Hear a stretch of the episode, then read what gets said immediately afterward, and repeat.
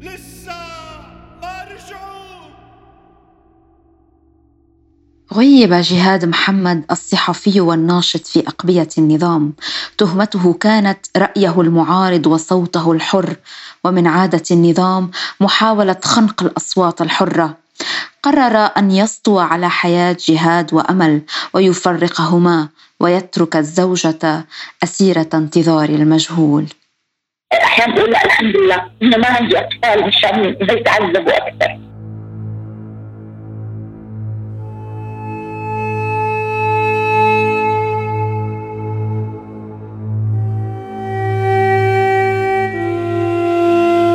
زوجي صحفي آه، اسمه جهاد اسعد محمد. آه، هو كان رئيس تحرير قاسيون. اعتقل ب 10 8 2016 على خلفيه آراء المعارضه وخروجه بعد من المظاهرات إضافة إلى أنه هو كتب مقالات بألف آه، صرح عن رأيه يعني السياسي المعارض. وعلى أثر تم اعتقاله. فجهاد كان متقرئي انسان يعني جاهر برايه آه، طلع هو يعني على حتى على روسيا اليوم في لقاء حتى لقاء يعني.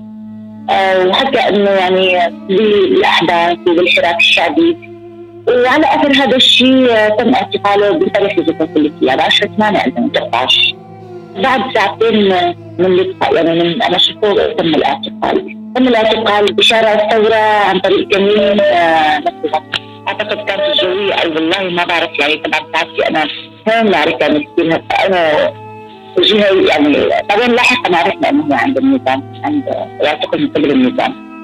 اللقاء الأخير بينهما كان في يوم الاعتقال. بدأت بعدها رحلة أمل الشاقة للبحث غير المجدي عن طريقه للوصول إلى حبيبها واستعادة حريته. أكيد أنا كثير حاولت يعني كثير بمساعده الاصدقاء ومساعده كل رفقاء الجهاد وحتى أنا دخلت المنظمات الدولية اللي قدمت طلبات حتى لأنه لحتى نعرف المكان. على الأقل يعني يعني انه وين هو للأسف يعني كانت المحاولات الفشل ما كنا نعرف نكمل الجهاد يعني هو جهاد خلينا نقول يعني هو غالبا حزب اليسار يعني حزب معروف هو كان يعني بكون اعتقد إنه ممكن بسهولة إنه نقدر نوصل بس للأسف ما قدرنا نوصل حتى رغم هذا الشيء رغم انتماء الحزب. وما كنا نلاقي ما كنا نعرف ابدا وين مكانه ولا نحصل على أي شيء. كان تكتل شديد عليه. سنوات الاعتقال دائما هي لحظات صعبه دائما هي لحظات كلها صعوبة يعني.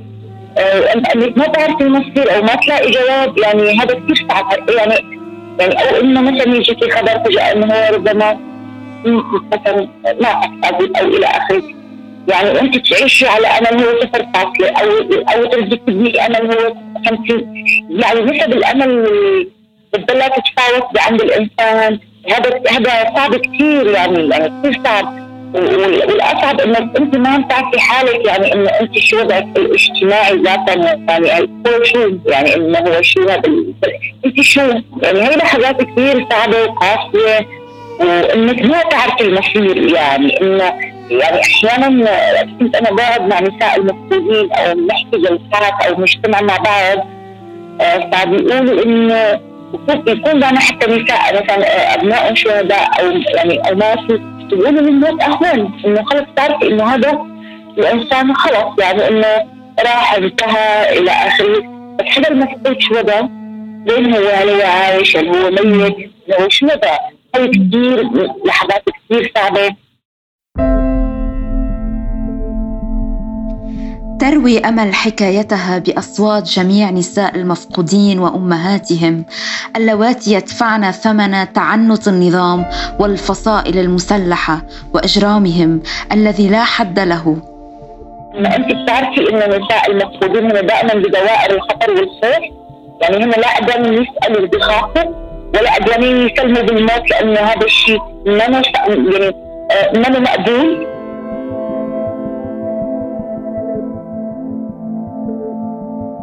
هي كثير قاسية يعني المفقودين بتعاني من الفقد. أو فانت عم تحكي عن فقد. تخيل النفسية أول شيء القلق آه، الضغوط النفسية مراحل التوتر.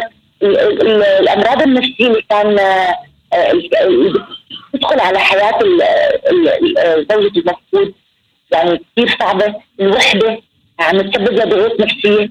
إذا بدي أحكي على الصعيد الاجتماعي بدي أحكي على المعاناة الاجتماعية مثلا هي ما بتعرف حالها لا متزوجة ولا مطلقة ولا أرملة ولا عازبة ما بتعرف حالها شيء هي ما ما ما معرفه من زوجة مفقود إذا بدي أحكي على المستوى الاقتصادي النساء اللي كان معهم هو الزوج أو الأبن مثلا بدي أحكي على الأمهات تخيل المعاناة الاقتصادية وهم عندهم أطفال ذكرت لك مثلا إذا كان في عندهم آه مثلا إنه شيء له علاقة بالرواتب أو له علاقة بالارث أو الملكية.